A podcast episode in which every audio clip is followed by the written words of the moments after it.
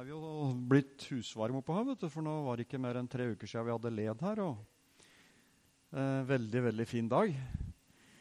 Eh, og så skal jeg jo på Connected nå på fredagen som kommer, så Yes, jeg tror jeg snart melder meg inn her, ja. Nå har vi ordna med pastorer på Lillehammer òg, så Men eh, veldig spennende tema. Serien går vel på eh, ordspråkene i høst. Og temaet i kveld det er mat og drikke.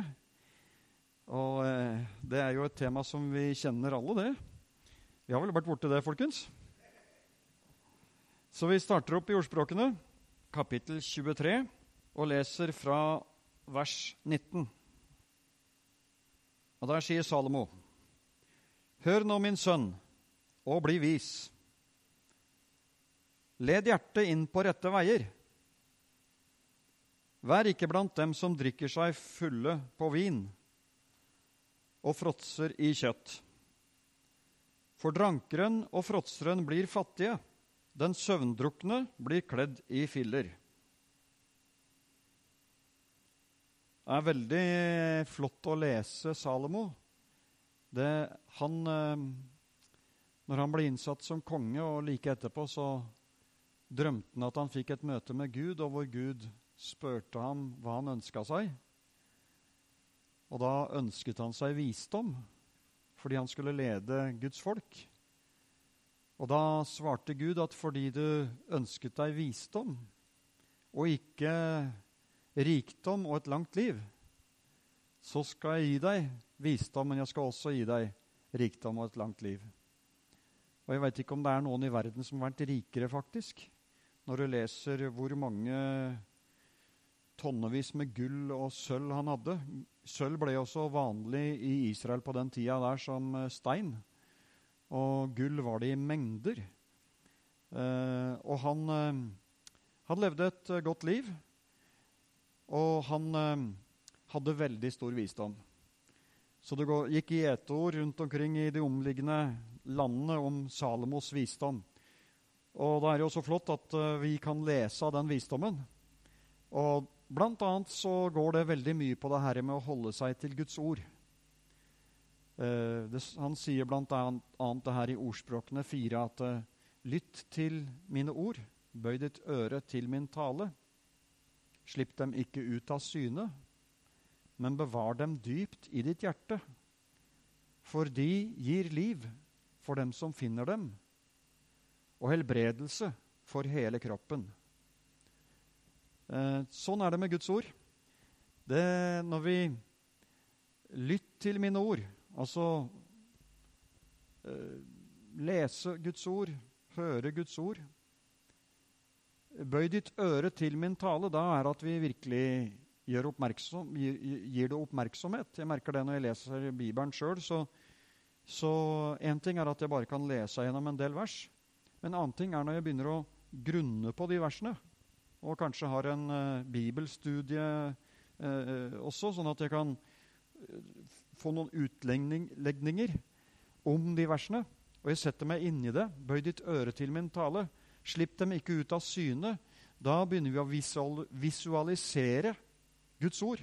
Vi begynner å se for oss det Guds ord tegner. Eh, og vi begynner å se at Gud har et bedre liv, en, en herligere plan. Eh, slipp dem ikke ut av synet, men eh, bevar dem dypt i ditt hjerte. Altså, du prioriterer ordet fra Gud mer enn alt annet. Og da er det ikke sånn at vi fortrenger den virkeligheten som er rundt oss. For det står at Abraham så på Saras utdødde morsliv, og at han selv eh, også var ufruktbar. Han var for gammel, 100 år. Men på Guds løfter tvilte han ikke. Og det her er fantastisk med Salomo, at han, han stadig kommer tilbake til Guds ord og rettleder oss. Og her så sier han det i, eh, som vi leste fra vers 19 her. Hør nå, min sønn, bli vis. Led hjertet inn på rette veier. Vær ikke blant dem som drikker seg fulle på vin og fråtser i kjøtt. For drankeren og fråtseren blir fattige, den søvndrukne blir kledd i filler. Jeg er sikker på at uh, Salomo han hadde mye kjøtt, han altså. Det kan hende han drakk vin òg, jeg vet ikke. Uh, men uh, jeg vet ikke. Jeg drikker ikke vin. Er mye som står som Salomo sier at, at det er lurt å ikke drikke vin. Og siden Paulus sa at 'ta litt vin for din mages skyld', så var det tydelig at Paulus og Timoteus ikke brukte å drikke vin. For han sa du kan ta litt vin for din mages skyld, altså ta det som medisin. Hvis han vanligvis drakk vin, så hadde han ikke trengt å si det. Nå betyr ikke det at det er synd om en tar seg et glass vin. Men eh, vi har så mange som har blitt ødelagt av alkohol. Sånn at eh, for min del så Jeg husker tidlig 80-tallet så ble det inn blant en del kjente predikanter i Norge å, å drikke litt alkohol. Og jeg hang meg på. Tenkte at ja, det er sikkert riktig, for dette var kjente predikanter. Så, så jeg tenkte at hvis det gjør at flere blir frelst, så tar jeg vin. Det var ikke mange glassa jeg drakk i løpet av uh, fem år. Det var kanskje en sju-åtte glass i løpet av fem år, så det var ikke noe sånn eh, stordranker. Men likevel, det var ingen som ble frelst av disse glassa jeg tok. da.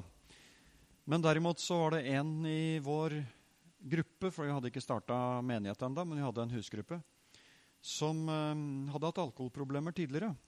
Og så jeg, stakk jeg bare innom en sånn tilfelle en dag, og da sto kjøkkenbenken full av tomme ølflasker.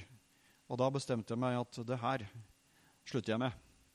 Så fra da av så valgte jeg å bli avholdsmann, folkens. Så ikke følg deg fordømt om du tar i et glass vin. Men øh, det er veldig greit å være avhold. Og jeg tror det er viktig at vi at vi skaper et menighetsmiljø hvor det er trygt for mennesker som har blitt frelst ut av alkoholsvøpa, å være der og kjenne at her er jeg trygg. Her er et miljø som ikke går og tar seg et glass vin etter gudstjenesten. Men her er et miljø som, eh, som jeg kan være trygg i. Og da, da er det en styrke for dem å komme inn i et sånt miljø. Når det gjelder mat og drikke, så er det en velsignelse og ikke bare en velsignelse, men det er også en nødvendighet. Det går ikke mange dagene uten drikke før en dør. Og du kan nok klare deg en del uker uten mat, men, eh, men eh, ikke så veldig mange uker. Så, så, det er eh, både en velsignelse og det er en nødvendighet. Og vi ser også helt fra starten av, når Gud skapte verden, så står det at han sa til Adam og Eva at de kunne spise av all frukten som var i hagen, bortsett fra ett tre. Eh, men det var ett eneste tre de ikke kunne spise av. Og det er noen som tror at det er epler, men det er jeg sikker på at det ikke var. Eh, kanskje det var fiken, siden de eh, klødde seg i fikenblader etterpå. Men det vet vi ikke helt sikkert. Men siden Jesus var så sint på dette fikentreet som ikke bar frukt, og det var jo ikke tid for å bære frukt heller, så lurer jeg litt på om det kanskje var fiken. Men det veit vi ikke. Men nå kan du bare spise fiken i dag. altså det er ikke noe fare nå. Så, men eh, etter syndefallet så, så, sa han også at de eh, kunne ete kjøtt. Og så vet vi at når Moses kom og ga Moseloven noen tusen år etterpå, så eh, ga han instrukser om hva slags kjøtt vi kunne spise, og hva vi ikke kan spise. Men et, i den nye pakt så, så, møtte jo Peter Gud i et syn, hvor han senka ned en duk med alle slags eh, dyr. Og han sa 'slakt og et'. Nå var jo det først og fremst, først og fremst et budskap om at eh, han skulle gå til hedningene og forkynne evangeliet. Det var det det dreide seg om først og fremst. Men jeg tror ikke Jesus hadde vist den det synet hvis, hvis vi ikke kunne slakte og ete. Så jeg eter gris. Selv om kanskje ikke det sunneste kjøttet, men jeg spiser gris. Eh, og så, så, det er en velsignelse. Men samtidig så kan det også bli en avgud. Og det snakker Paulus om i Filippenserbrevet 3. Han snakker om de som har gjort buken til Gud. Så det betyr at uh, da blir maten viktigere enn Gud. Og der er det en grense. Så Gud ønsker at vi skal sette han foran alt annet. Da har ikke han blitt bare en frelser, men da har han også blitt vår sjef. Da har han blitt vår leder. Og det er der vi ønsker. For at når vi har fått livet i Ånden og tatt imot Jesus og blitt født på ny, så står det at hvis vi lever ved Ånden, står det i Galaterbrevet 5. Hvis vi lever ved Ånden, så la oss også vandre i Ånden. Så én ting er at vi har fått liv i Ånden og er frelst. En annen ting er at vi kan begynne å vandre i Ånden. Dvs. Si, vi begynner å gjøre de tingene som Gud har på hjertet for oss, som er den beste veien, og da vokser vi med Gud. Så da er det ikke bare et liv, men da er det en vandring. Og da, da er det så viktig at vi lærer oss å klare å, å, å sette grenser. Eh, og Jesus han ble selv prøvd i dette her. Og det kan vi godt lese. Vi, jeg tar fram noen skriftsteder. Da. I Matteus 4, når Jesus hadde fastet i 40 dager. Hvis vi er sunne og friske, så går det greit å faste i 40 dager. Det er ikke usunt. Det som kan være usunt, er hvis du bryter fasten veldig brått og kaster innpå usunn mat. Det kan være farlig. Så det er viktig å ta lettfordøyelig mat noen dager. Men når han hadde fasta i 40 dager, så står det i, i vers 3 og 4 Da kom fristeren til ham og sa, Er du Guds sønn? Så si at disse steinene skal bli til brød. Jesus svarte, Det står skrevet, mennesket lever ikke av brød aleine, men av hvert ord som kommer ut fra Guds munn. Jesus trengte brød. Det vet vi. Når han har fasta i 40 dager, så, så blir han sulten. Så han trengte brød. Men når fristeren kom og sa 'gjør disse steinene om til brød', så svarte Jesus fristeren med det står skrevet. Mennesket lever ikke av brød aleine, men av hvert ord som går ut fra Guds munn. Og Han på en måte viser oss på den måten, at, som du var inne på her, Olav, at uh, Guds ord, det er brød for oss. Det er mat for oss. Og Jesus ble testet på tre områder. Paulus underviser om det der med Eller er det Paulus? Det står i hvert fall i en av brevene at uh, om kjøttets lyst, øynenes lyst og hovmod.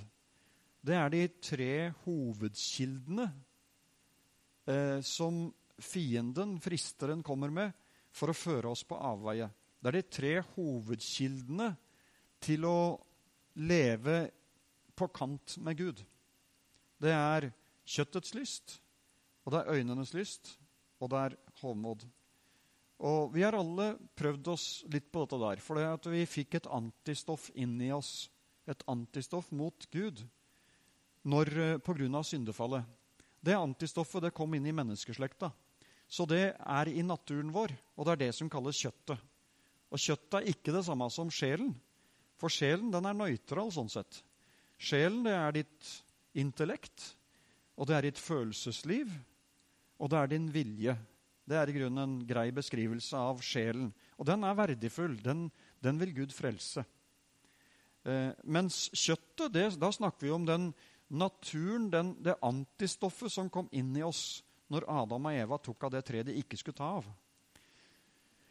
Og der, Derfor, så, selv om det, det her med Jesus du, at, han, at, han vil, at han har sørget for at hele verden er forsonet med Gud ved Golgata, ved kors, at han døde på korset så skulle en jo tro at da er en selvfølge for alle som hører om det i hele verden, å umiddelbart ta imot det.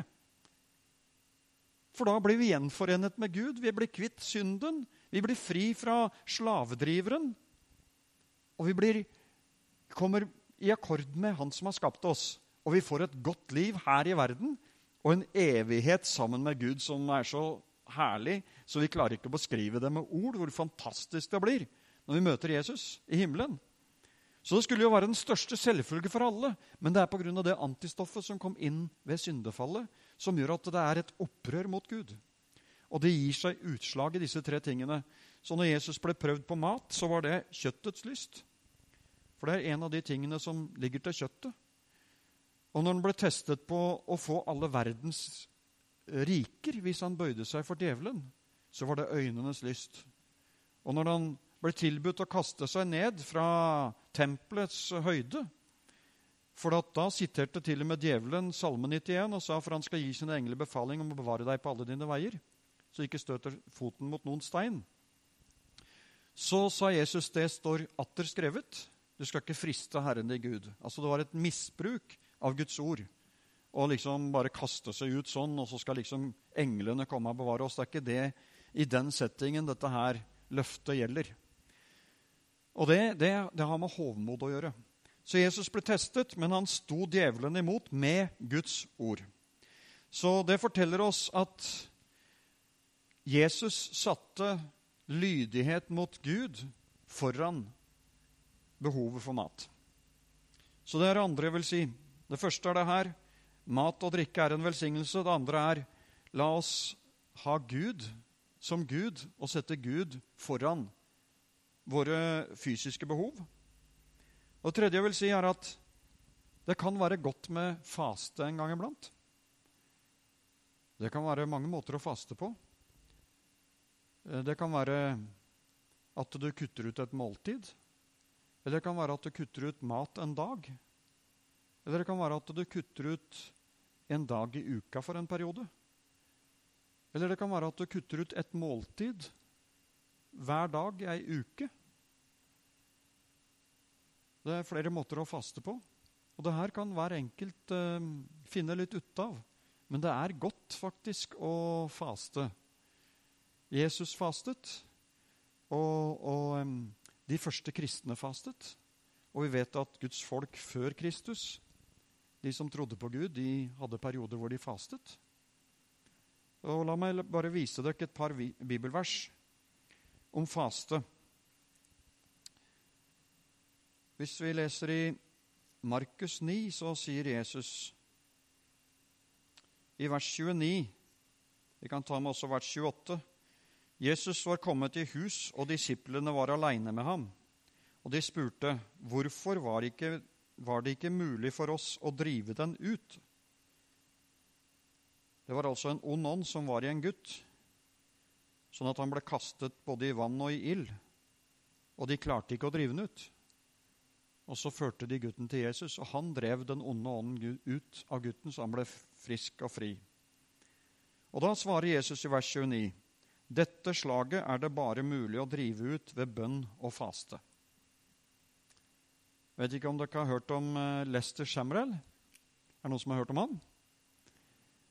Han, eh, han var en, eh, en, ganske kjent amerikansk predikant som døde på 90-tallet. Da var han 85 år gammel.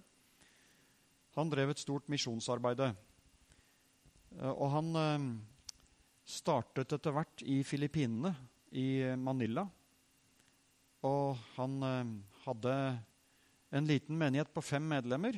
Det var kona og de tre barna og han, da. Det var starten på menigheten. Og han hadde jo Han var en trosmann, en trosfrisk mann, så han leide en flyhangar til å begynne med. Der ville han ha møter. Så det ble jo litt smått da, med fem stykker i den flyhangaren. Men uh, så begynte det å komme noen få andre mennesker. Og, og så En dag så kom det på nyhetene om ei jente som var bundet av uh, Hun var besatt av onde ånder. Som gjorde at hun forbannet mennesker, og de døde. Og de opplevde at de ble bitt, uten at hun bet ikke. Men de ble bitt med to sånne prikker, så det var en, som en slange, før de døde. En manifestasjon av djevelen. Og, og, de visste ikke hva de skulle gjøre med denne dama. Så de hadde henne på en institusjon. Men der også forbannet hun mennesker, så de døde. Og når eh, Lester Shamral så dette på nyhetene Jeg tipper at dette kan være kanskje på 70-tallet 60-tallet kanskje, så, så, talte Gud til henne at du skal sette henne fri. Så han, eh, han gikk inn i bønn og faste. Fastet en del dager og hadde med seg et team og oppsøkte institusjonen og sa at eh, hvis dere vil, så skal jeg hjelpe jenta. Og der, Jeg tror det var på institusjonen jeg fastet i tre dager.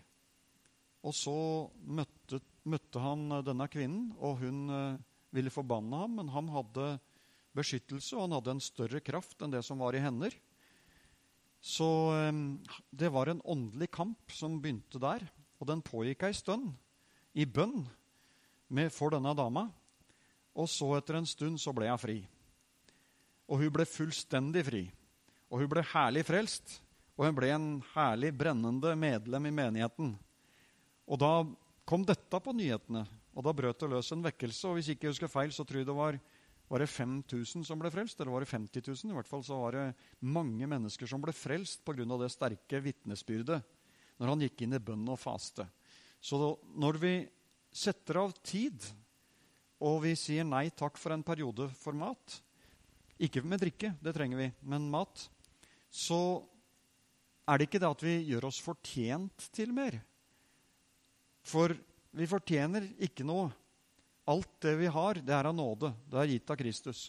Men det er likevel noe med at eh, du overgir deg selv i bønn og faste. Og du blir ikledd en større autoritet. Mange mange år seinere var jeg med en gammel misjonær eh, til Filippinene. Og vi besøkte noen menigheter i flere steder rundt i Filippinene. Og en dag, en søndag, så hadde vi fri.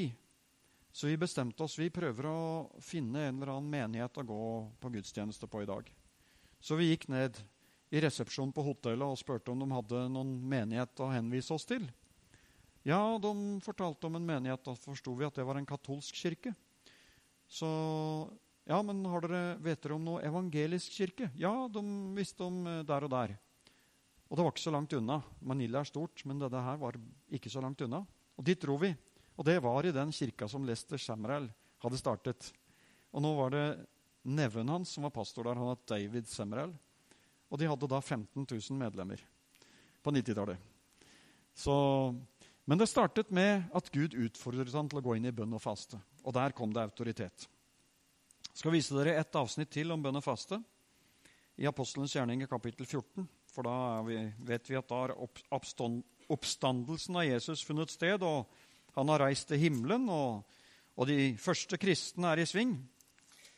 Og der står det i vers 23, Apostelens gjerninger 14, 23. I hver menighet valgte de ut eldste for dem, og under bønn og faste ga de dem over til Herren han som de var kommet til tro på. Så Paulus og teamet hans, for han hadde jo mange medarbeidere Når de innsatte eldste, altså ledere i hver menighet som var planta rundt omkring hvor de prekte evangeliet, så fastet de. De ba, og de fastet. Det samme kan vi lese i kapittel 13, når Paulus selv ble innsatt til, til, til å bli en apostel så står det at uh, i kapittel 13 så står det i vers 2 En gang mens de feiret gudstjeneste for Herren og fastet, sa Den hellige ånd, ta ut Barnabas og Saulus for meg, så de kan gå til den oppgaven jeg har kalt dem til. Etter faste og bønn la de hendene på dem og lot dem reise. Så de la hendene på Paulus og Barnabas etter at de har fastet og bedt, og sendte dem. Jeg opplevde en opplevelse på 80-tallet. Da, da, hadde vi allerede starta ei gruppe som etter hvert ble menighet, men det var ikke menighet enda. Og jeg opplevde at jeg skulle faste. Og jeg visste ikke hvorfor. Noen ganger så, når jeg fasta, så vet jeg hvorfor. Noen ganger er det rett og slett for at jeg skal ha en tid aleine med Gud for å, for å studere Guds ord og for å høre fra Gud. Mens andre ganger så kan det være et spesielt bønneevne. Men i dette tilfellet her så visste jeg ikke hvorfor jeg skulle faste. Jeg bare merka veldig konkret at jeg skulle faste. Og etter en par dager, tenker jeg, så ble jeg sulten de første to-tre dagene. er de verste. Og da begynte jeg å tenke på kylling og, og forskjellig, da. Så jeg dro ned på butikken og kjøpte tre suppeposer. Tre forskjellige typer supper og la dem på stuebordet der jeg gikk og ba. Så gikk jeg og så på suppepostene. Hvem, hvem skal jeg bruke for å bryte fasten? Skal jeg ta blomkålsuppe, eller skal jeg ta aspargessuppe, eller Så jeg ville begynne litt forsiktig, da. Eh, men jeg var ikke tilfreds. Jeg kjente jeg var ikke ferdig. Så jeg hadde veldig kamp der. Veldig lyst på suppe. Og jeg visste at det blir suppe, så blir det noe bedre etterpå. Det går ikke mange timer før da går det i brødskive osv. osv. Men jeg var så utilfreds. Jeg bare merka nei, jeg er ikke ferdig. Så det var en sånn rivning i meg.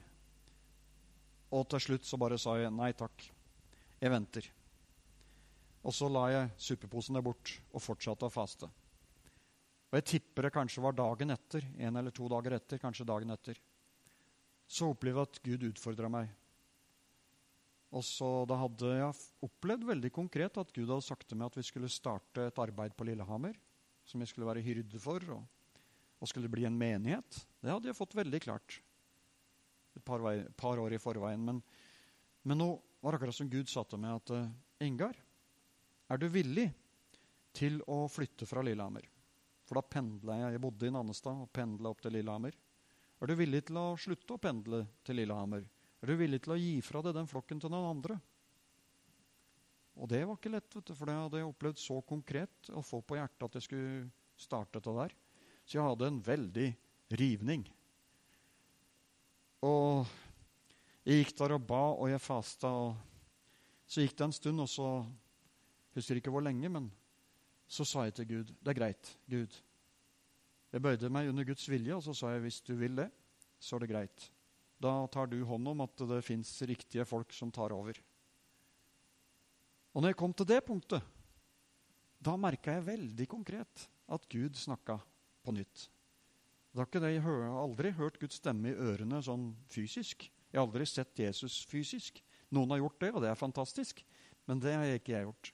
Men likevel så opplevde jeg veldig konkret at Gud sa at du skal fortsette på Lillehammer. Jeg skal være med deg.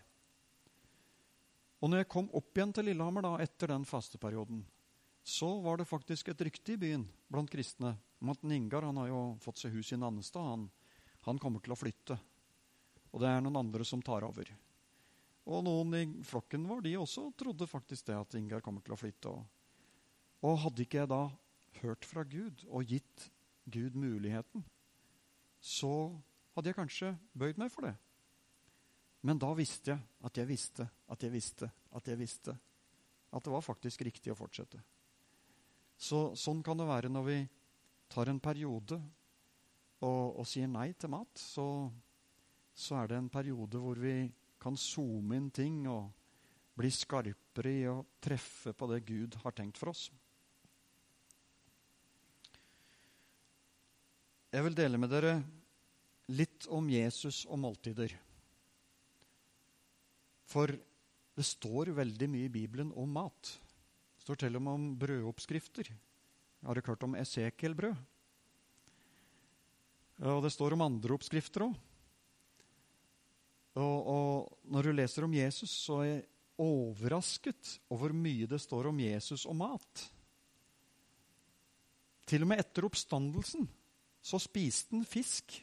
Når han møtte disiplene, de hadde stengt seg inne i et hus. Plutselig så, så Jesus iblant dem. Han spiste fisk. Og når han hadde åpenbart seg for dem, så gikk han ut tvers gjennom veggen. Og fisken ble med. Det er pussig. Så det står så mye herlig om Jesus og mat.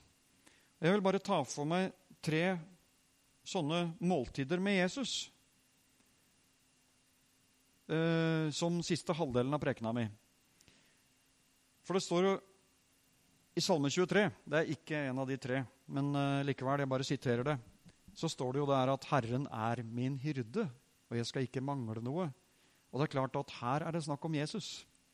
For han sier selv i Johannes 10 at 'jeg er den gode hyrde'.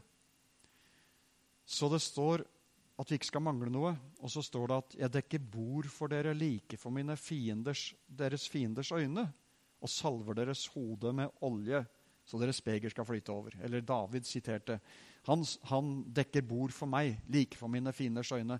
Salve mitt hode med olje, og mitt beger flyter over.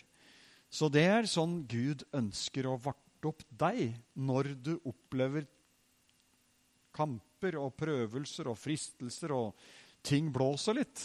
Det opplever vi innimellom. Så når vi da har det hjerteforholdet til Jesus som hyrde, så vil han dekke bord for deg. Når det ser mørkt, mørkt ut vet du, og han skrur på lyset, da, da, blir det veldig lyst. Og sånn er det når, når uh, fienden raser og herjer og står på og prøver å ødelegge.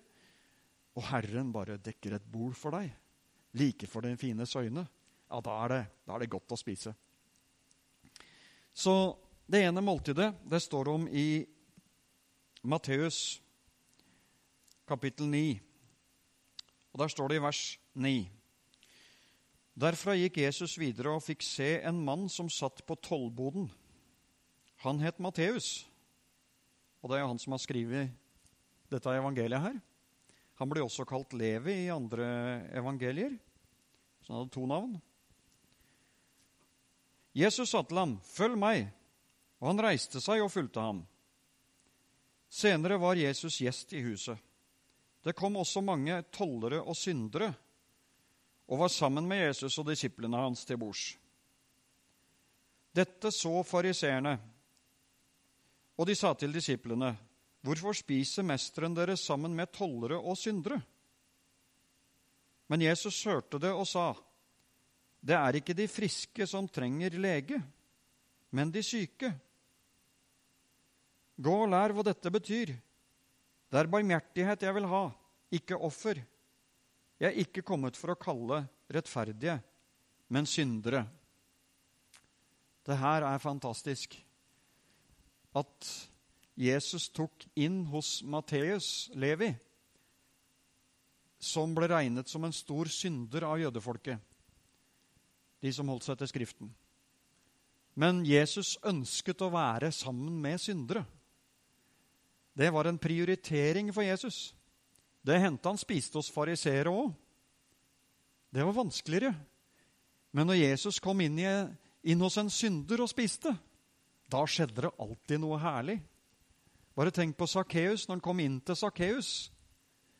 Sakkeus satt oppi morbærtreet, og Jesus visste navnet hans.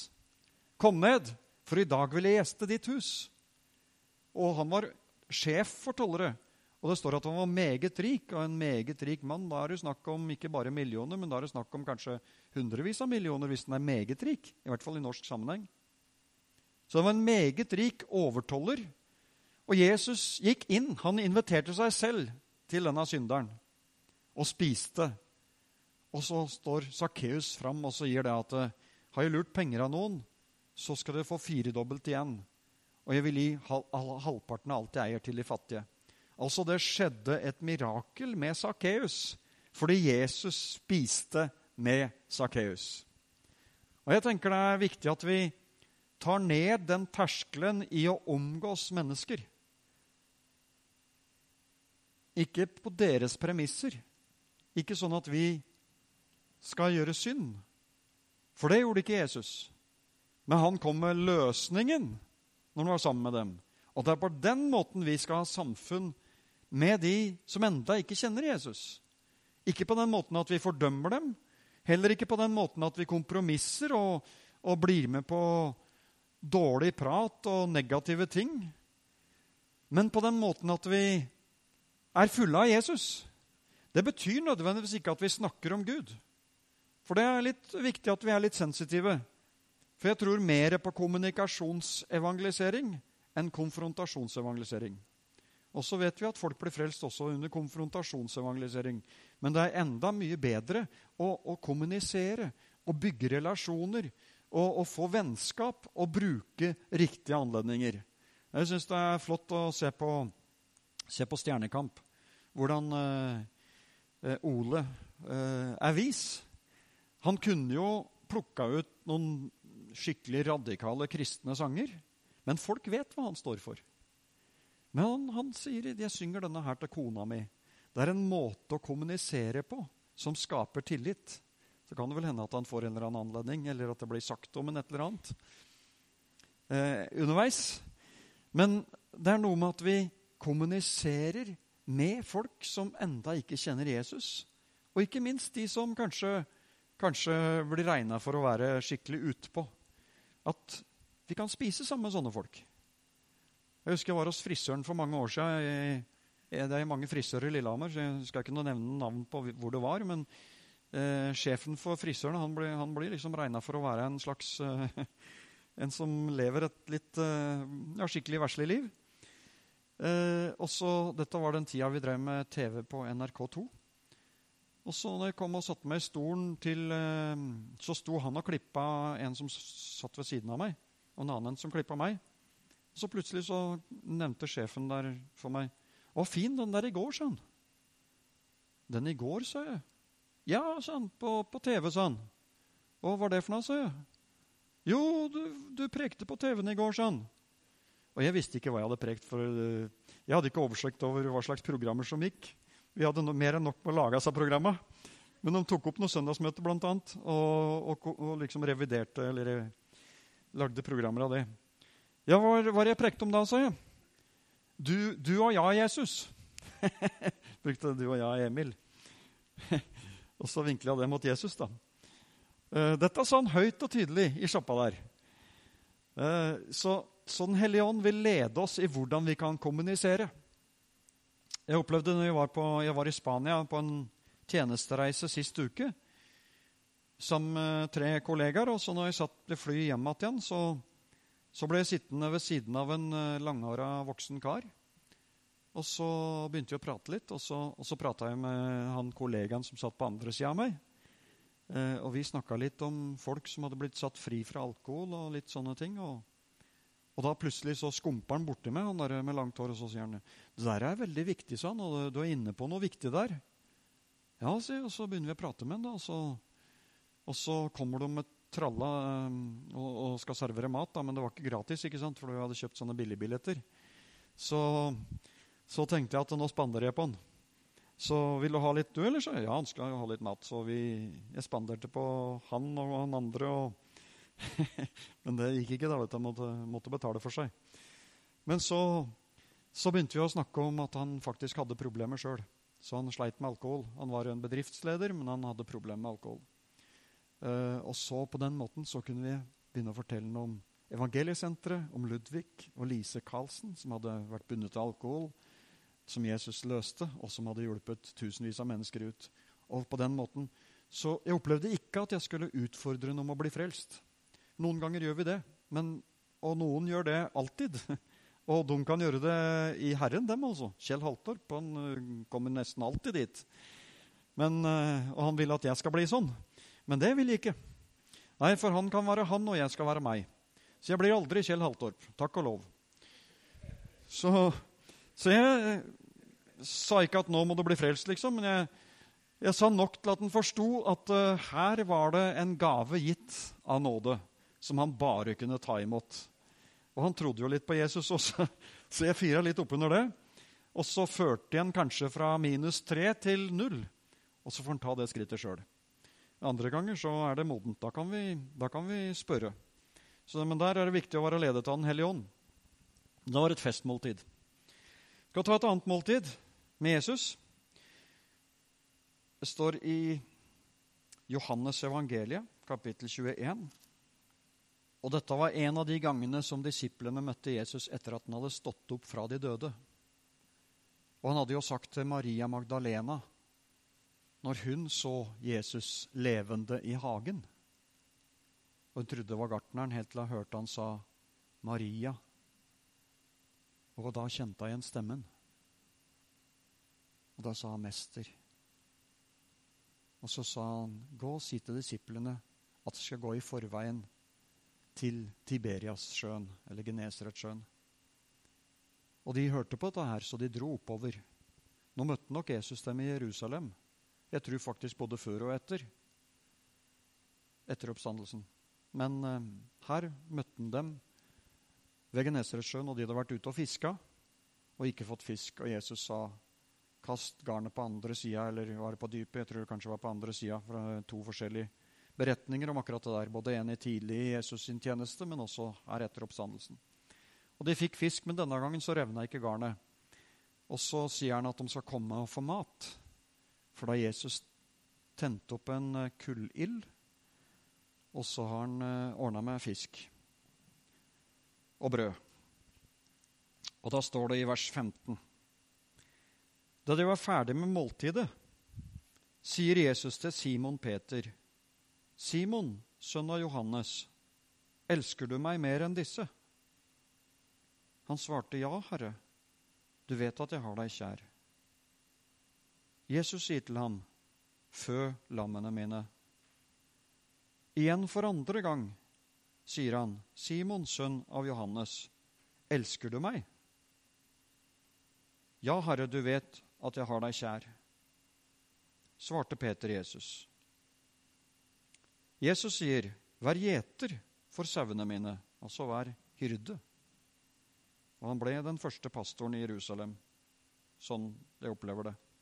Og etter hvert så tok Jakob over, Jesu halvbror. Så sier han for tredje gang, Simon, sønn av Johannes, har du meg kjær? Peter ble bedrøvet over at, han, at Jesus for tredje gang spurte han han hadde ham kjær. Tenker på Han fornektet Jesus tre ganger. Det var en gjenopprettelse at Jesus spurte ham. Han fordømte den ikke. Han tok faktisk aldri opp det temaet etterpå. Men han spør ham tre ganger har du meg kjær. Peter ble bedrøvet over at Jesus for tredje gang spurte ham om han har, har en kjær. Og han svarte, Herre, du vet alt. Du vet at jeg har deg kjær. De to første gangene så bruker Peter det ordet for kjærlighet som kommer fra ordet filos. Men den tredje gangen så bruker Peter agape, som er en dypere og sterkere, et sterkere ord for kjærlighet. Du vet alt, og Gud ønsker å føre oss dit. Noen ganger hvor vi blir litt testet. Jeg vet, når jeg hadde begynt å reise som evangelist, så jeg var, så 20 år, tenker jeg, så hadde jeg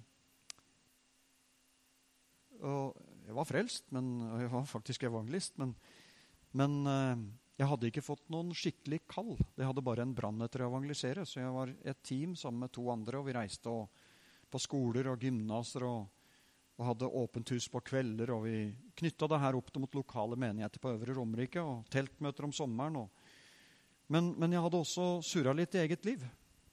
Så, så jeg merka at det, ting var ikke helt som det skulle. Og da en dag så merka jeg nå nå jeg nå må jeg ta et nytt møte med Jesus. Jeg var oppe på rommet mitt.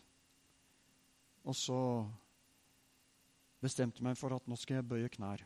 Og så skal jeg overgi meg til Guds vilje på nytt. Og det ble en veldig kamp. En veldig rivning. Det var akkurat som jeg så en drøss om tusenvis, nesten, med ansikter rundt meg som lo av meg, og virka så fryktelig tåpelig og så nytteløst og meningsløst at jeg skulle bøye knær midt på lyse dagen over en stol, en tabrett. Men jeg valgte likevel å gjøre det. Og jeg bøyde knær. Og jeg sa, 'Gud, jeg vil at du skal ta hånd om livet mitt helt og fullt.' Og plutselig forsvant alle de ansiktene. Og jeg merka da kom Guds ånd nær. Og ikke lenge etterpå så opplevde jeg veldig konkret jeg skal ikke ta den historien, men opplevde veldig konkret at Gud ga meg et kall til å reise med evangeliet. Så det var akkurat som Gud måtte løse meg fra noe, utfordre meg. Og jeg måtte komme til et punkt jeg sier, 'Yes, Gud, du tar over. Du leder an.' Og sånn var dette måltidet mellom Jesus og Peter den dagen. Selvsagt med alle disiplene, men ikke minst med Peter. Han utfordret han. 'Har du meg kjær?' Vi avslutter med et tredje eksempel på Jesus og måltid. Og da kan vi til slutt se i Åpenbaringen, siste boka i Bibelen, kapittel 3. Johannes, vet vi, han var på øya Patmos. Historien forteller at, at keiseren hadde beordret at eh, Johannes skulle avlives på den måten. Sannsynligvis så var alle de andre elleve disiplene eh, de var, hadde lidd martyrdøden. Hvis du ser bort fra Judas, selvfølgelig, men Mattias, som overtok hans plass. Men eh, Johannes han døde en naturlig dør og ble en gammel mann. Og dette var nok allerede på 90-tallet, altså, så han var nok kanskje rundt 90 år gammel. Og han ble forvist til øya Patmos for at der skulle han dø. Men han døde ikke der. Han, eh, faktisk så døde keiseren. Og neste keiser han eh, ga beskjed om at eh, det kan slippe en løs igjen. Så de henta han. Men mens Johannes var på øya Patmos, så møtte han Jesus. Og da så han Jesus på en tredje måte. For han hadde sett Jesus med den naturlige fysiske kroppen som Jesus fikk når han ble født av Maria, jomfruen. Og han hadde vokst opp. Og han hadde gått sammen med Jesus i tre og et halvt år. Men han så også Jesus etter oppstandelsen. Og da så Jesus helt naturlig ut, sånn at Maria som sagt trodde han var en gartner. Men nå møtte han Jesus i herlighet. Og det var som ildsluer som gikk ut av øynene. Det var som et sverd gikk ut av munnen. Og hans føtter var som glødende kobber, står det vel. Det var en strålende skikkelse, så sterk at uh, Johannes bare falt om. Han tålte det ikke fysisk. Han falt. Men Jesus styrket ham, og Jesus begynte å undervise ham. Og de tre første kapitlene i den samtalen mellom Johannes og Jesus, så gir Jesus Johannes en diagnose på syv menigheter. To av dem var helt friskmeldte. Smyrna og Philadelphia. Fem av dem hadde utfordringer, hadde helseproblemer. Og Jesus forteller da Johannes om sykdommen og om medisinen for at de skulle bli friske. Efesus var den som fikk den, hadde den mest alvorlige sykdommen. Men vi vet at Efesus tok imot. Det står ikke i Bibelen, men vi vet kirkehistorisk at på 400-tallet så var det en så stor menighet. Jeg har sett ruiner etter ei kjerke. De bygde Den er stiger. Den er kjempelang. Og det som er litt interessant med den kjerka i det ruinene i Efesus Efesus er ikke en by i dag, det er bare ruiner. Eh, men når du ser den kirka, som er fra 300-400-tallet, så er det et dåpsbasseng for troende døpte. Da gikk ei trapp ned. Det var et skikkelig basseng, og så gikk ei trapp opp på andre sida. Troende dåp. Ære være Gud. Så nok om det. Men uh, her står det i kapittel 3, vers 20 Se, jeg står for døren og banker. Om noen hører min røst og åpner døren, vil jeg gå inn til ham og holde måltid, jeg med ham og han med meg. Jeg sier også jeg med henne og hun med meg. Altså, han sier ikke det her egentlig at uh, 'jeg har ikke med dere å gjøre'. For dette var frelste folk. Dette var en menighet. Men det han sier, det er at han banka på døra. Altså, 'Jeg vil ha mer rom.' Og 'jeg vil spise sammen med deg'. Og der er Jesus også i dag, folkens. Og det sier han til Ingar, og det sier han til Olav, og det sier han til Niklas, og det sier han til oss alle. La oss spise sammen. La oss holde måltid sammen. Hva betyr det? Det betyr at vi setter av tid med Jesus. Jeg vet det fins to grøfter på det her. For i vår tidlige fase som menighet så var vi veldig på det her at folk skulle liksom sette av mye tid, og vi nevnte på en time hver dag, og helst om morgenen, og det ble litt lovisk. Så vi måtte justere det. Men så gikk vi liksom litt i andre grøfta. Og så ble det aldri nevnt noe om det. Men her er det en balanse. Men jeg tenker at hvis vi setter Jesus først, så betyr det ta litt tid med Jesus. Og vi har jo travle hverdager, og vi er kanskje på jobb eller på skole og i andre ting å drive med. Så betyr ikke at vi skal bruke all tid på bønn og Bibel, men at vi setter av litt tid. Og det er klart, det beste er å ta litt tid før alt annet. Hvis du ikke rekker det, så finn et annet tid på døgnet. Men hvis du rekker det, om du ikke mer enn tar av fem minutter og snakker med Gud aleine. Og så kanskje du leser noen vers i Bibelen. Kanskje du har en bibelleseplan, Eller kanskje du kan starte med et evangelie. Og så leser du noen vers og grunner på det og tenker hva betyr dette for meg? Hva kan dette gi meg? Og når du da ikke bare leser for å lese, men du leser for å lære, og du leser for å spise, da skjer det noe. Da begynner Gud å snakke til deg. Til og med gjennom første Mosebok og femte Mosebok. Og til og med har folk opplevd at Gud har snakka til dem i slektsregisteret. Så det at vi setter av litt tid med Jesus, gjerne hver dag Og ikke følg deg fordømt om, skulle, om det skulle skjære av seg en dag, for det ligger ikke på det planet. Men det ligger på det planet at Gud vil gjerne ha mer kontakt. Gud vil gjerne spise sammen med deg. Og det at du da takker Gud og ærer Gud og ber til Gud og nevner det som er vanskelig for Gud, og det at du leser, og Gud snakker til deg gjennom ordet, men også gjennom ånden, da er det fellesskap. Da er det mat. Da er det måltid. Da er det drikke, folkens. Da er det mat og drikke med mesteren sjøl. Det er fantastisk. Halleluja! Nå tar vi en high five. Halleluja.